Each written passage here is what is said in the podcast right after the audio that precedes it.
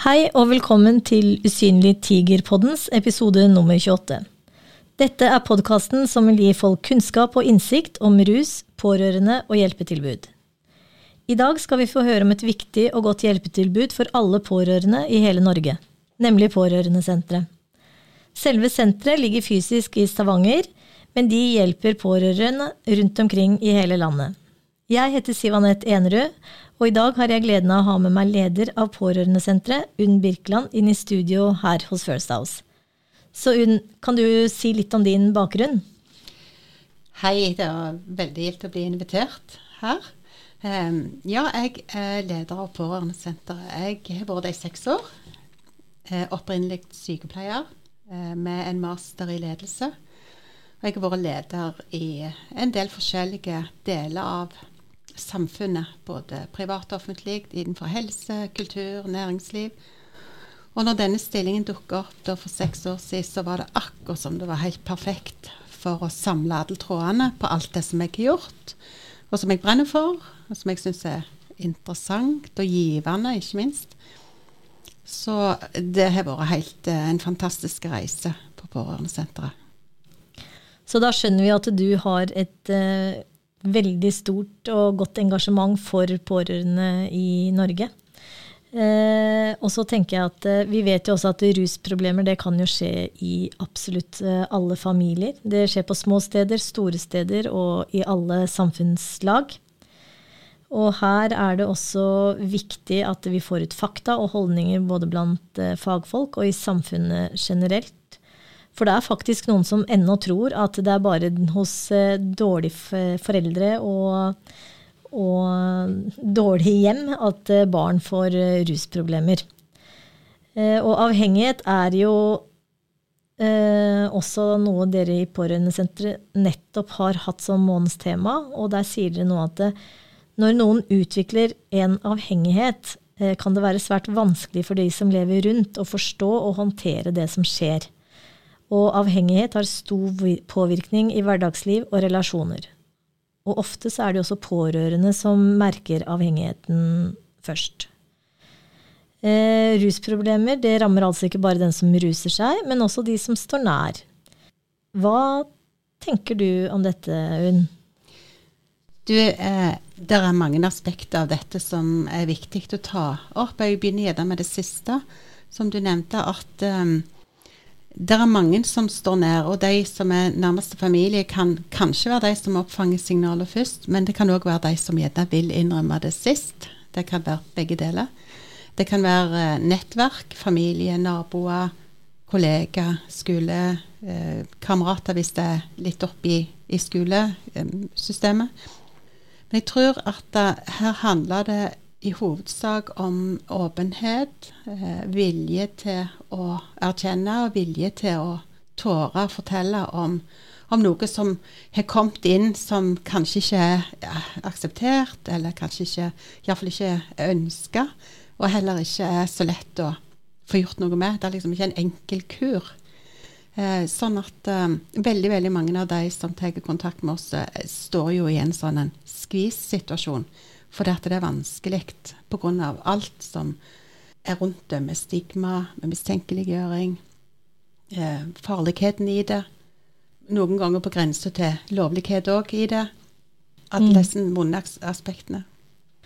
Og så vet vi også at uh, det er jo veldig, veldig mange som uh, dette angår. Og ifølge Jørgen Bramnes, uh, jobber i Folkehelseinstituttet og leder av Senter for rus- og avhengighetsforskning ved Universitetet i Oslo, presenterte i 2020 at det er ca. 200 000-300 000 som er avhengig av alkohol. Og 20 000-40 000 er avhengig av vanedannende legemidler. Og 15 000-30 000 er avhengig av illegale rusmidler. Og dette er jo veldig, veldig høye tall. Eh, og tenker også at det er et stort mørketall hvis man tenker at hver enkelt eh, person har flere pårørende rundt seg.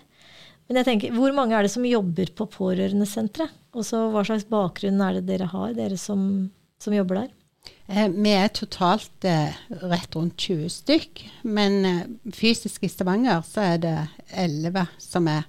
Så er det noen som jobber fra andre eh, plasser i landet, da. Og sju av disse er på pårørendelinja. Og da kan de logge seg på et eh, mobilt sentralbord og bo, hvor som helst i landet. Eh, de er ikke avhengig av å være på kontoret for å, ha den jobben. Så det er jo kjempefint at vi har gode kollegaer som er plassert rundt i landet, og har timer på pårørendelinjen. Og av kompetansespekter så er det jo kjempebredt. Eh, det er sykepleiere med spesialutdanning, det er eh, sosionomer, familieterapeuter. Det er både psykolog, psykiater, vernepleier.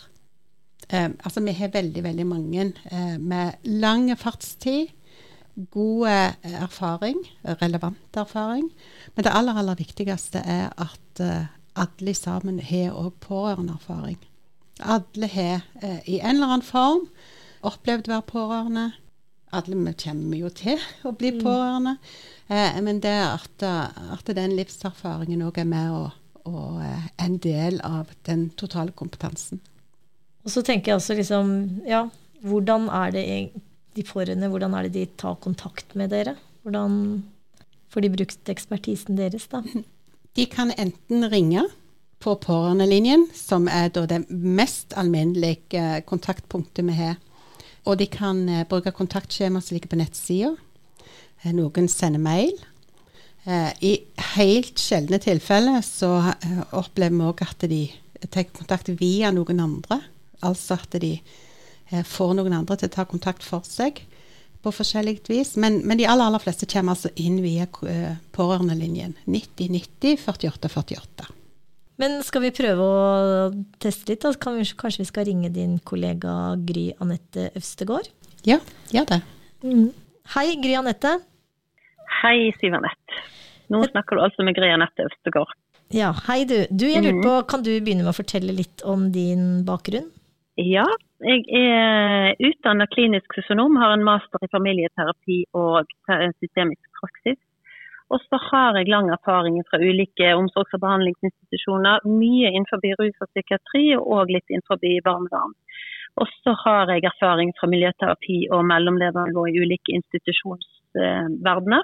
De siste årene før jeg begynte på Pårørendesenter, så jobbet jeg som behandler i en poliklinikk eh, for mennesker med rus- og psykiatriske lidelser eh, for unge voksne. Um, og så har jeg òg vært gruppeveileder av en institusjon med samme målgruppe. Så en, en, enorm innsikt og erfaring, tenker jeg. Kan du si litt om hvilke hjelpetilbud som dere har for pårørende? Ja, det, det, kan jeg godt gjøre. Um, vi har jo, uh, som Unn allerede har nevnt, denne pårørendelinjen, som er en hjelpetelefon for alle pårørende, uavhengig av hva diagnose de forholder seg til, eller hva relasjon de har til den de er pårørende til. Der kan de ringe til oss, eller de kan chatte med oss, de kan sende oss e-post. Unge og barn kan sende oss brev som de får personlige svar på. Eh, og så har vi òg oppfølging for de som trenger litt flere prater. Så har vi oppfølging enten per telefon eller videokonsultasjon, eller de som bor i distriktet rundt oss kan jo komme inn på senteret og ha samtale. Og Der har vi samtaler med enkeltpersoner, med par og familie. Ja, vi setter egentlig veldig lite grenser på, på hvordan vi tar imot folk, eller eh, hvem vi tar imot. Um, og så har vi online mestringskurs, vi har egne podkaster. Vi har kurs og vi har en egen nasjonal pårørendekonferanse. Så jeg vil si at eh, ja, og Disse tre nettsidene våre er jo kjempeviktige for sagt noe om. Sant? At Vi har pårørendesenteret.no, som er nettsida for voksne pårørende, der de kan finne aktuelt stoff om pårørende, eller som er relevant for pårørende. Eh, der er min historie, der er selvhjelpsmetode, der er tips og råd. Man kan finne litt om rettigheter. Og så har vi jo ei side for unge pårørende som heter ungepårørende.no for mennesker mellom 7 og 18 år. Der de kan finne aktuelt stoff om ulike følelser, eh, om ulike tema. Eh, om hvordan være en god venn, om eh, ja, ulike problemstillinger man kan stå i som barn og ungdom. Eh, og Der kan de finne sin egen podkast, og der er eventyrlesning, og der er filmsnutter. Og de kan også som nevnt skrive brev til oss, sånn at de kan få et svar på hvordan de kan håndtere akkurat det som de står i. Det viktigste for oss er jo at pårørende skal føle seg sett og hørt og forstått i det de står i. For det er altfor mange som står i situasjoner der, er, der de ikke helt vet hvem de kan henvende seg til når de står i problematiske og krevende situasjoner. Og så har vi òg en nettside for fagpersoner som vi nå har utvidet til å tenke både skole og arbeidsliv og helse, selvfølgelig. Fordi at eh, pårørende lever liv som alle andre, og vi blir alle pårørende en eller annen gang, kanskje flere ganger i løpet av livet vårt. Og det å ha et pårørendevennlig arbeidsliv, det å bli sett på skolen når det skjer ting hjemme, det vet vi er kjempeviktig. Så det, Den, den sida heter pårørendeprogrammet.no. Den er for fagpersoner som på en eller annen måte kan møte pårørende i arbeidsdagen sin. Eh, jeg tenker også at man, man, eh, Når man er pårørende til rusavhengig, så er det jo liksom en veldig sånn uforutsigbar hverdag. ikke sant? Man er redd, mm. man er usikker, man har mange bekymringer. Ja. Mm. Og, og, det er jo det at man vet jo liksom ikke heller når, når den situasjonen tar slutt, om den noen gang tar slutt.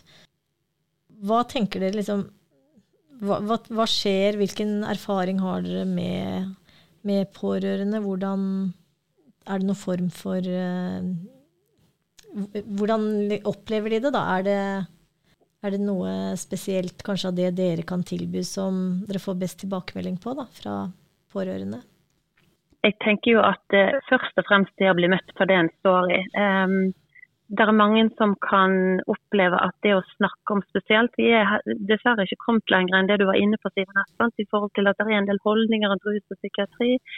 Eh, og det å, å skulle eh, snakke om det kan kjennes sårbart ut. og Da blir det utrolig viktig å bli sett og hørt i det man står i, og møte en forståelse for hvordan det kan oppleves, tankene man har, reaksjonene man kan kjenne på. Eh, er jo først og fremst det jeg tenker eh, som er det aller viktigste. Og så har vi jo òg ulike mestringsverktøy vi kan tilby sant? Uh, utover det. Sant? Hvordan kan du håndtere bekymringer du står i? Hvordan kan du håndtere dårlig samvittighet? Uh, hvordan kan du få sortert på dine behov og på de behovene du ser hos de du er glad i? Det er mange balanseganger i et pårørendeliv. Um, og det å få lov å sortere dere sammen med noen og få sette seg litt i posisjon til det man står i, og hva det gjør med en, og hva det gjør med hverdagen sin, det tror jeg kan være veldig viktig. Det er egentlig at man også må tenke på seg selv i den situasjonen, ja. og, mm. og liksom hva man best kan gjøre for seg selv. Da. Ja, det kan jo være ganske krevende når du står i en situasjon som du av og til kan føle at, at beslaglegger hele hverdagen og hele fokuset ditt. Sant? Og at du, at du står i en situasjon som det er veldig vanskelig å hva skal jeg si, eh, ta pause fra, eller å det kan føles som et veldig egoprosjekt å skulle ta vare på seg sjøl når noen du er glad i sliter veldig med rus f.eks. Så kan det jo, bekymring kan jo, kan jo ta hele plassen i perioder. Sant? Eh, og Det som jeg òg syns jeg kjenner igjen ifra det er jo gjerne spesielt foreldre som tar kontakt med oss med barn som ruser seg, men det kan òg være partnere. Sant? Men spesielt foreldre så kan jeg jo kjenne igjen det med at til og med i de periodene når det gjerne går litt bedre, så kan man gå i en viss beredskap for hvor lenge skal dette vare, er det denne gangen det skal bli bra, liksom. Det, det, tar litt tid å, å venne seg til eh, de gangene det, det, er bedre perioder, og, og begynne å få tillit til at det kanskje er denne gangen det skal gå godt. Eh, har du noe å tilføye der, Unn? Nå syns jeg at Grønette oppsummerer veldig veldig godt, eh, både i forhold til det med tilgjengelige verktøy mm. Og samtaletilbud. Eh, så tenker jeg at det vi nok òg ser mye av og opplever både i samtaler, men òg når vi er ute og har foredrag og treffer denne, denne pårørendegruppa, det er at mange eh, står i, i, et press i mange år. Og at noen òg opplever at det, eh, det stigmaet som ofte er rundt eh, rus, gjør at en ikke tårer å si hvordan det er. Og Et sånn et eksempel kan være besteforeldre som opplever at de har barnebarn som presser de for penger, f.eks. Og så tårer de ikke fortelle det til foreldregenerasjonen, altså de som er i midten mellom besteforeldrene og den ungdommen. Både fordi at de eh, opplever det som Det er vanskelig å erkjenne at dette skjer i vår familie. Eh, og så er det òg vanskelig å, å, på en måte anklage noen av dine egne. Eh, og så er det òg vanskelig å leve med det. Men, men, så står en i dette løpet gjerne over lang tid. Det er sånn ett type eksempel på, på sånn et eh, krysspress som da gjør pårørenderollen enda tyngre mm. enn bare redselen for å miste noen av dine. Og da er vel også kanskje flere symptomer som man kan merke på seg selv som pårørende også, vil jeg tro. At man Ja, vi har jo ofte um, når, vi, når vi, har foredrag om dette, og når vi også snakker med pårørende om dette, så er det ofte eh, gjenkjennbare symptomer som dukker opp. Det handler om eh, følelse av eh, å stå alene. Det kan være redsel, bekymring. og bekymringene kan jo være alt fra økonomiske til medisinske, eller til Eh, det som handler om det sosiale livet, det som handler om nettverk og sånn. Eh, og så er det jo sånn at hvis du sover dårlig, eller hvis du bekymrer deg lenge, så kan det gå ut over nakke og skulder, og får hodeverk, og du får andre kroppslige symptomer. Eh, og, og, noen blir òg eh, sykemeldt fra arbeidet sitt. Klarer ikke å konsentrere seg på jobb, eller klarer ikke å utføre den type arbeid som de vanligvis ville ha klart godt. Eh, og så baller det på seg. Sant? Og så blir det at en får eh, tilleggslidelser som, som, igjen blir en ny bekymring på toppen av eh, det som var utgangspunktet. Så dette er ofte en vond ball, eller en, en sånn sirkel, en spiral, som, som, går lenger og lenger ned i, i, i det vonde for mange. Og så er det det med, med måten samfunnet ser på rus på. Det, det må vi òg erkjenne at um, det er ikke så strømlinjeforma. Verken behandling eller oppfølging eller hjelpetilbud innenfor rusområdet, som det f.eks. er på noen andre områder som er mer eh, behagelige å snakke om, eller lettere å forholde seg til, og, og der en får mye mer sympati. Eh, og det, det, er vondt når foreldre sier at da, jeg føler jeg blir anklagt for at det er vår feil. Altså, Vi har ikke vært gode nok foreldre. Men vi kunne ikke gjort mm. noe annet. Men, mm. men allikevel så får de den eh, opplevelsen. Og da er det jo mm. heller ikke rart at man eh, blir syk selv over tid. Mm. Eh, jeg tenker, er det noe mer du ønsker å formidle? Eh, jeg kunne godt tenkt meg at Grunette sa litt mer om det med, eh, med barn som pårørende innenfor rus. For jeg tenker mm. det er så veldig viktig at vi får framheve de eh, både når det gjelder møtene vi har med barn, hva som ofte kommer fram av følelser og tanker, men òg litt sånn hvordan kan en snakke med barn som er i sånn familie, for det vet jeg at Grønhet er veldig flink på. Så mm. det vil jeg gjerne huske å si litt ja. om. Ja. ja. og det er jo altså Det er jo sånn eh, at, at eh, når, eh, når rus kommer inn i et liv, så vil det jo påvirke alle de som lever i det livet sammen med den som får en rusavhengighet. Og Det gjelder også barn av den som blir rusavhengig, eller søsken til den som blir rusavhengig. Jeg har nettopp skrevet en master om søsken, og der var det jo to stykker som opplevde veldig sterkt at det ikke ble snakket om i sin familie, at de egentlig ikke skjønte hva det var som foregikk. Så Det vi er veldig opptatt av når det gjelder barn som er pårørende, både barn og ungdom, er jo at vi må tørre å snakke om det som skjer, og vi må orke å å forholde oss til det sammen med barnet. Eh, og Det er jo ofte at vi eh, voksne ønsker å beskytte barn. Sant? Fordi vi syns at eh, det å forholde seg til rus og, og, alle virkninger av rusen, det kan være ganske vanskelig for oss som voksne. Vi har lyst til å beskytte barna våre fra de fra de smertene eller den, den, bekymringen det kan tilføre deg òg. Eh, så det er ofte veldig velment at de beskytter barna våre og tror at de beskytter barna våre ved å ikke fortelle det som skjer, eller lage andre forklaringer på det som skjer i familien enn, det, enn det det faktisk handler om. Eh, så det å sette ordentlig ord på det som skjer, og være ærlig med barna, selvfølgelig tilpasset den alderen de er i, Eh, men de må få vise sannheten, vi må være ærlige med dem. Sånn at etter hvert som de når eh, nye modningsnivåer, så kan vi bygge på en allerede sånn eh, historie som de har med seg om hvordan livet er i familien. Da kan vi òg sette dem i stand til å håndtere det som skjer, og kan også, de kan òg ha en opplevelse at de står i det sammen.